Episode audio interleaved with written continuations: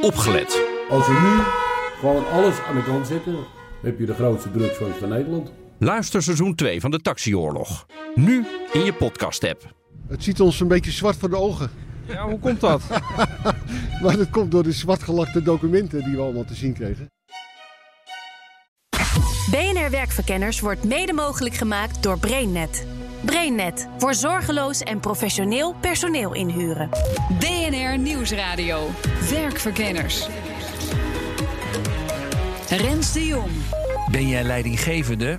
Nou, dan zit je vast en zeker deze tijd van het jaar iedere ochtend vol spanning te kijken naar je telefoon. Als er maar niemand belt om zich ziek te melden.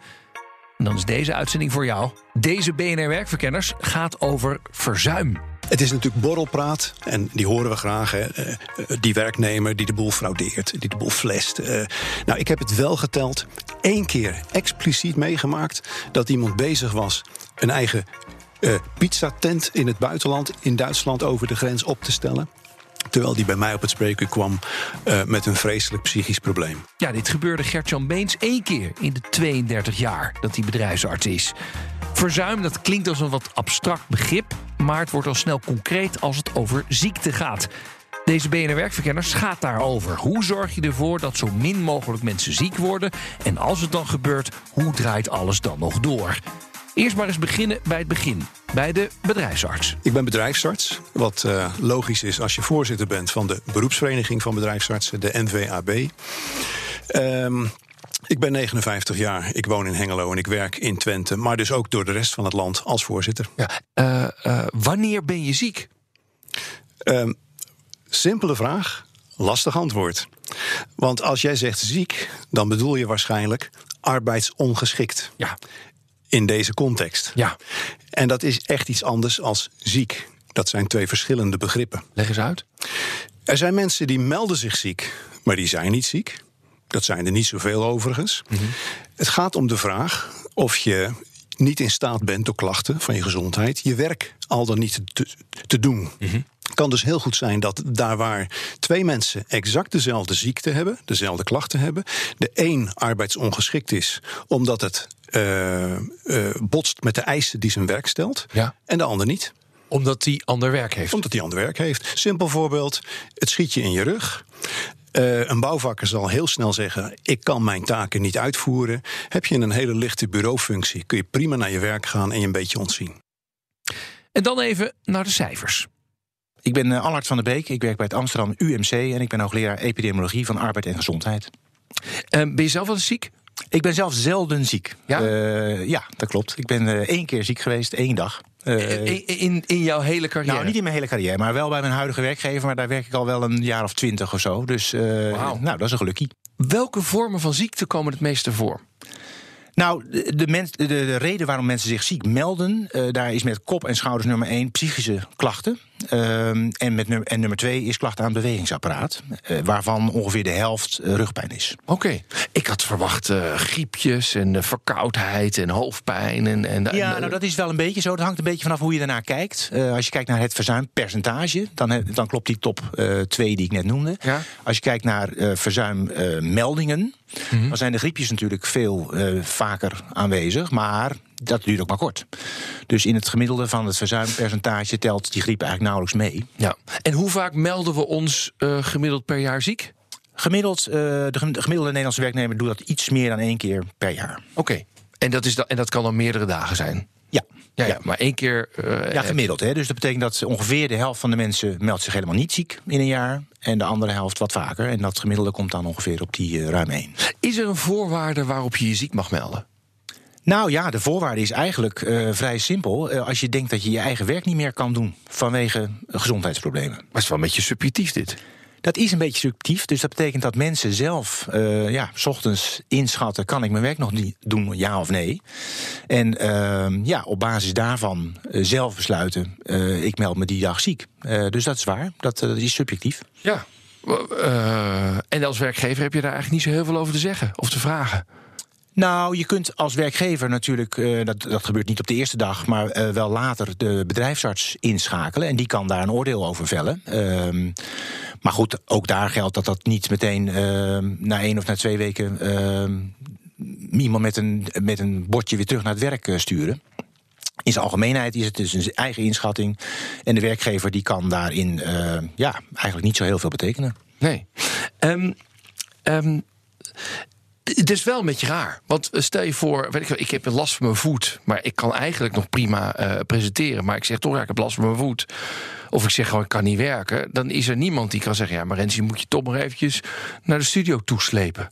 Nee, dus kijk, die werkgever kan in dit geval natuurlijk wel zeggen van... goh, kan ik je ergens mee behulpzaam zijn? Kan ik bijvoorbeeld een taxi regelen waardoor je hier...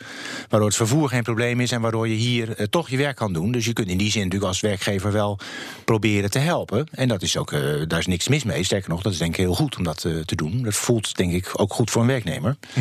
Dat de werkgever in die zin ja, om je geeft. Ja, iets extra's doen om een werknemer toch maar naar het werk te krijgen. Dat is mooi. Arnold Sloof is zorggroepmanager bij het Bravis ziekenhuis. En hij heeft vestigingen in Bergen-op-Zoom en Roosendaal. Ehm zorggroepmanager ehm, ehm, ja, geeft leiding aan, eh, aan een groot deel van de zorg. Ik heb twee collega's ehm, en ik ben verantwoordelijk voor het eh, acuut eh, complexe stuk. En daar valt, vallen dus ja, de chirurgische eenheden, de OK, de IC en de spoedeisende hulp vallen daaronder. Ja. En ik geef zeg maar weer leiding aan managers waar weer verpleegkundigen onder vallen. Dus ehm, ja, een, een ziekenhuis is een grote organisatie, werken 3000 mensen. Dus eh, een, eh, een behoorlijke organisatiestructuur die daar ehm, nodig is om het allemaal goed te laten draaien. Ja, in het Bravis ziekenhuis meld je je niet per se ziek als je je eigen werk niet meer kunt doen. Want er is misschien nog wel iets wat je wel kan als je ergens last van hebt. Ja, we zijn eigenlijk altijd ehm, in overleg met onze medewerkers van als er redenen zijn dat je ehm, ehm, niet kan komen werken. Ja, dan ga je daarover met elkaar in overleg. En ehm, wat kun je wel nog, ja, dat is iedere keer de vraag, wat kun je nog wel? Uh, Mhm. Maar het is natuurlijk wel erg afhankelijk van ja, wat voor situatie de medewerker zit. Maar wat bedoel je met verzuim is een keuze? En, ja, ja, zoals ik het eigenlijk net zei, ehm, je kunt ziek zijn en toch komen werken. En, ehm, en daar ben je met elkaar over in gesprek of ziekte dan ook daadwerkelijk tot ehm, afwezigheid gaat leiden. Ja, ja, dus jij probeert eigenlijk inderdaad te kijken van... nou ja, eh, weet ik veel, eh, je hebt last van je rug... maar misschien kun je Ja. hier wel eh, niet staan vandaag... maar je zou misschien wel kunnen zitten en even wat ander werk kunnen doen. Ja, dat is dus eigenlijk waar je continu met elkaar naar eh, op zoek bent. eh, Ja. ja. En, en waarom kies je niet voor, nou ja, als je last hebt van je rug... eh, je hebt een staand beroep, rust eens even goed uit... en dan zien we je volgende week weer? Ehm, nou ja, je snapt dat we gewoon een, een, een, een organisatie hebben en we hebben patiënten en we proberen dat natuurlijk zo goed mogelijk met elkaar in balans te hebben. Ehm, en ehm, op dit moment is natuurlijk behoorlijke personele krapte in de zorg, dus we proberen iedereen natuurlijk zo goed mogelijk eh, aan boord eh, te houden. Ja. En we zijn natuurlijk wel bezig met eh, programma's om onze medewerkers ook ehm, goed inzetbaar te houden. We, ehm, we zijn ja, zeg maar duurzame inzetbaarheid, vitaliteit is, zijn natuurlijk dingen waar we nadrukkelijk mee bezig zijn om te zorgen dat we onze ja, medewerkers ook ehm, ja, goed vitaal houden, zodat ze zo min mogelijk ehm, uitvallen. Ja, wa- wat ik me wel afvraag is, als jij dat zegt... Hè, van nou, misschien kun je toch nog even wat ander werk doen... hoe wordt daar op gereageerd normaal gesproken? Ehm, nou, eigenlijk zijn we daar al vrij lang mee bezig om met onze medewerkers ehm, eh, ja, die visie op verzuim eh, te bespreken. Ehm, en eigenlijk snappen ze dat ook wel. Ik denk als je daar open en eerlijk met elkaar over communiceert van eh, we hebben iedereen nodig om het werk dat er met z'n allen ligt zo goed mogelijk te doen. Dan snappen ze ook dat wij die vraag wel stellen. Want op het moment dat er een medewerker niet komt, hebben er andere collega's direct last van. Eh, hè, want die patiënten die zijn er toch. Ehm, dus op het moment dat jij eh, ehm, verzuimt en niet aanwezig bent, dan betekent het vaak dat je medewerkers een stapje harder moeten lopen. En door daar met elkaar over in gesprek te zijn en eh, mee bezig te zijn, ehm, ja, is er ook wel acceptatie van die visie. Ja, en dat sluit eigenlijk wel aan bij wat bedrijfsarts Gert-Jan zegt. Hij merkt dat in de kern eigenlijk iedereen wel heel graag wil werken. Het komt veel vaker voor dat ik mensen moet afremmen dan dat ik ze moet eh, duwen. Ehm, de meeste werknemers, de, de meeste eh, werknemers in Nederland, hebben een echte intrinsieke motivatie. Want het is natuurlijk borrelpraat, en die horen we graag. Hè, eh, eh, die werknemer die de boel fraudeert, die de boel flest. Eh, nou, ik heb het wel geteld. één keer expliciet meegemaakt dat iemand bezig was een eigen eh pizzatent in het buitenland, in Duitsland, over de grens op te stellen. Terwijl die bij mij op het spreekuur kwam met een vreselijk psychisch probleem. Eén keer dat het uit is gekomen doordat er een rechercheur opgezet is die dat heeft ontdekt. De meeste mensen zijn te goede trouw. En eh, wij moeten het ook van vertrouwen hebben. Dus onze insteek naar iemand die zich bij ons meldt is altijd: er is een probleem. En we merken inderdaad vaak dat werknemers eh, een heel hoog ethos hebben, heel lang doorgaan. En juist bij overspanning en burn-out is dat natuurlijk het grote probleem. Ja, dus het merendeel is moet je afremmen. Zeker. Ja. Zeker. En, en wat, wat doe je dan met zo'n eens in de 32 jaar, zo'n pizzaman? Ben, je- ben jij beroepsgeheim, dus jij kunt hier niets mee, of wel? Nee, ik, kon, ik, kan, ik heb het ook niet ontdekt. Want die man had zo'n goede act. Die ook zo breed was eh, uitgedragen. Hij had een medicatielijst van zijn huisarts. Had dus ook zijn huisarts daarin mee. Kwam bij de psycholoog. Had ook zijn psycholoog mee. Alles klopte aan het verhaal. Behalve het feit dat hij over de grens aan het werk was. En dat bleek via collega's. Die daar vervolgens hun werkgever over tipten. Die daar weer vervolgens een eh rechercheur op gezet hebben. En die is er echt als James Bond-achtige manier met fotocamera erachteraan gegaan. Toch, de meeste mensen willen gewoon graag werken. Maar ja, als het echt niet meer kan en het hele ziekenhuis ligt vol met griepgevallen, hoe laat je de boel dan doorlopen? BNR Nieuwsradio. Werkverkenners.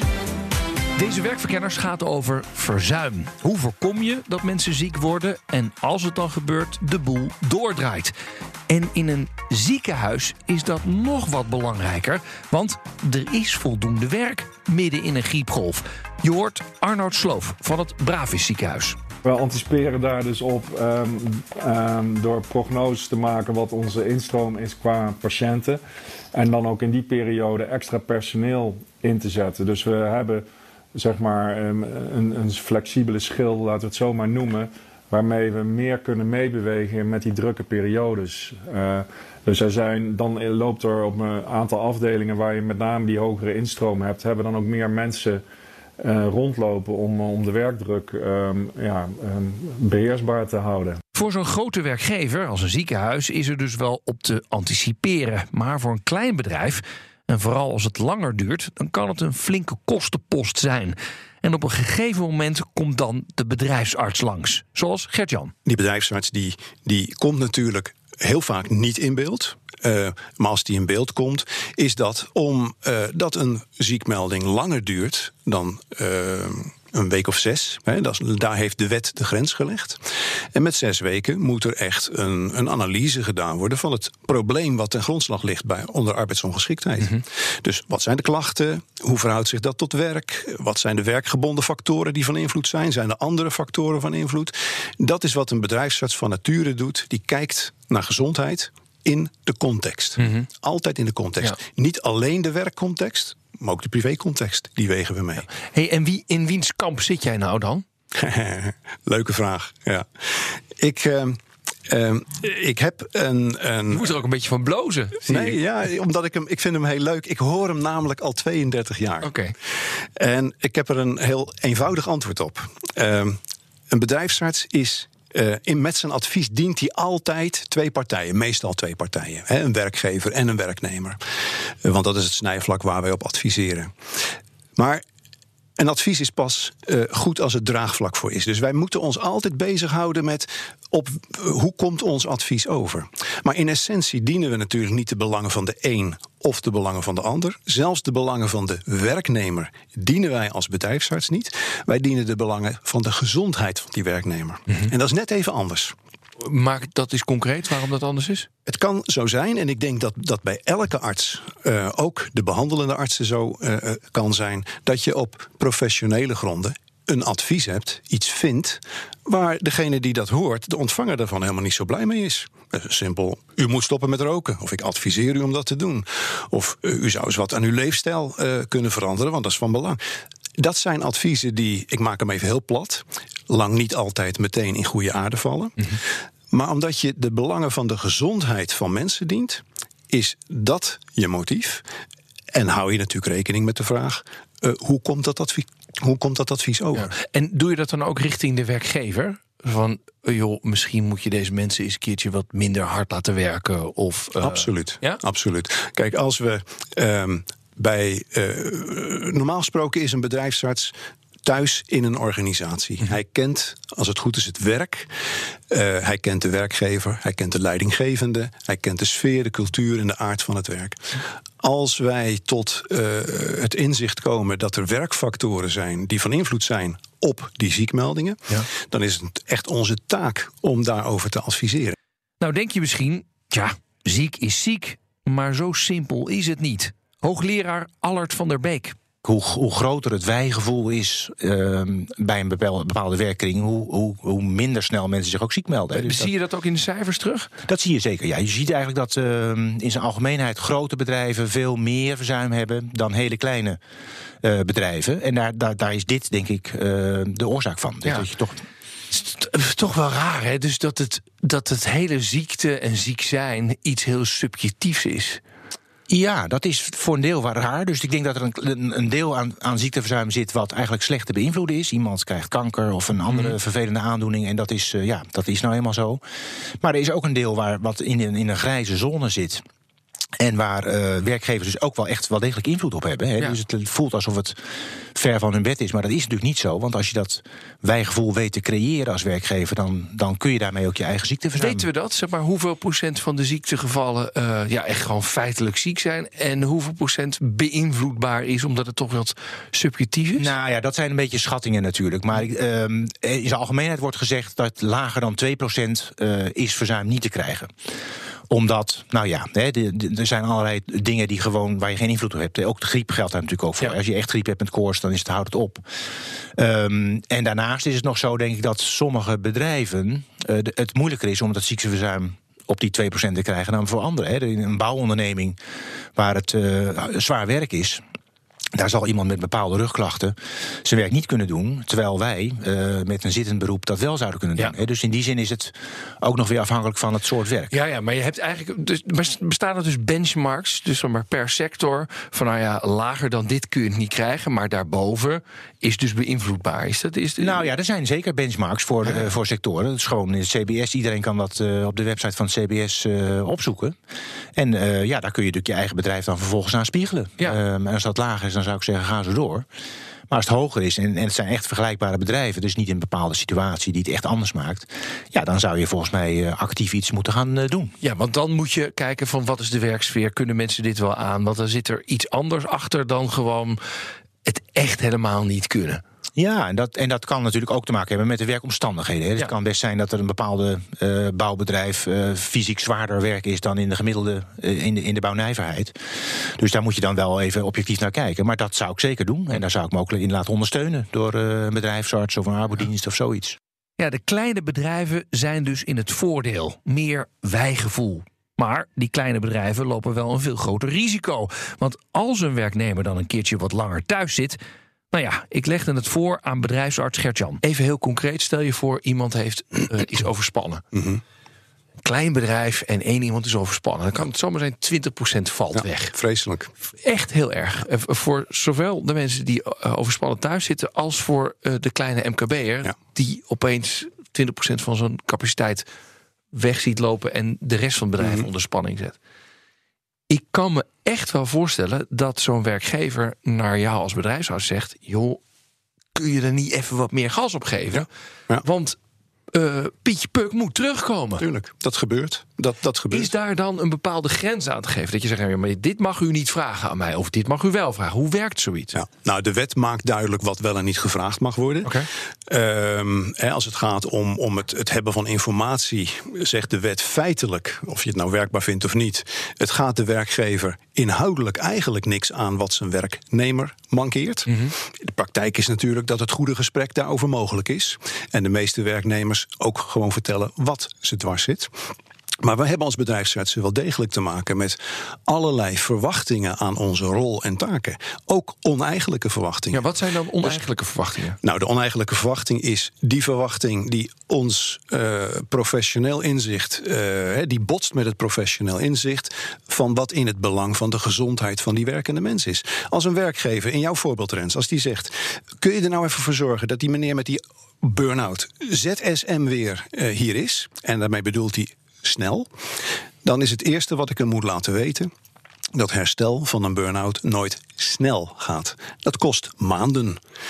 Uh, en als hij dat niet van me wil aannemen en alleen maar eist dat ik hem zo snel mogelijk aan het werk stuur, dan moet ik hem teleurstellen, want dat doen wij niet. Wij willen uiteindelijk graag dat die werknemer op een goede manier duurzaam weer terug kan komen. Mm -hmm. En als het werk een oorzaak heeft gehad in het tot stand komen van zijn gezondheidsklachten. Ja. Dan zullen, we hem, en dan zullen we die werkgever daarover adviseren. met goedvinden van die werknemer. Hè. Daar moeten we samen goed in optrekken.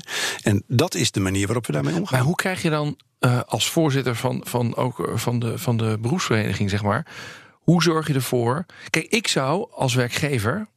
als ik zo'n kleine MKB'er ben, hè, mm -hmm. zou ik graag een bedrijfsarts willen hebben die toch wel ergens op zijn unique selling points neerzet. Ik krijg ze wel weer snel aan het werk. Is dat zo? Nou, dat denk ik. Ja. Want, want, want dan wordt. Maar als de werkelijkheid nou is dat dat een illusie is, ja. dan heb je meer dan een adviseur die je echt goed adviseert en zegt: jij koestert illusies. Je kunt beter investeren in het voorkomen van die problemen aan gezondheid die met jouw werk te maken hebben, mm -hmm. dan dat je mij vraagt om ZSM iemand naar het werk te schoppen. Ja. Want dat doen we niet. Nee. Maar kan je je wel voorstellen dat, dat laten we zeggen, werkgevers daar nog wel naar op zoek zijn. Natuurlijk. Ik kan me heel goed voorstellen dat werkgevers af en toe, zeker kleine werkgevers, wanhopig worden van verzuim wat ze in hun bedrijfskosten enorm uh, uh, voor problemen stelt. Maar dat is uiteindelijk een politieke keus ja. die we ergens in de jaren negentig gemaakt hebben door de werkgever risico aansprakelijk te maken ja. voor de kosten die met verzuim gepaard gaan. En dan krijg je nog één tip over met welke werknemer je vooraf eens een keertje een gesprek moet gaan voeren. Als je terugkijkt, kun je vaak een patroon van een ziekmelding, van ziekmeldingen per persoon wel herkennen. En wat herken je dan voor een patroon? Nou, bijvoorbeeld dat iemand zich vaak ziek meldt. Ja. Meldingsfrequentie zie je vaak als patroon door de, door de loop van de jaren uh, zich voltrekken. En als je iets nieuws ziet ontstaan, kan dat een reden zijn om daarover het gesprek aan te gaan en te zeggen: Wij zien jou, lang was je nooit ziek, laatste jaar was je vier keer ziek. Dus je ziet vaak wel patronen van ziekmelding per persoon verschillen. Uh, het boeiende is natuurlijk dat geen mens gelijk is. Uh, het altijd gaat om op respectvolle manier het gesprek met die werknemer aan te gaan. Maar het alleszins eerlijk is om hem de vraag te stellen: wat maakt dat jij vindt dat je nu niet in staat bent je werk te doen? Dit was Werkverkenners voor deze week en eigenlijk ook voor dit jaar. Doe voorzichtig met het vuurwerk en tot aan het nieuwe jaar. Want volgende week zijn we er gewoon weer. Een verse werkverkenners op dinsdag om half vier. En abonneer je gewoon via je podcast-app. Dan mis je nooit een uitzending. Tot de volgende. Dag. BNR Werkverkenners wordt mede mogelijk gemaakt door BrainNet.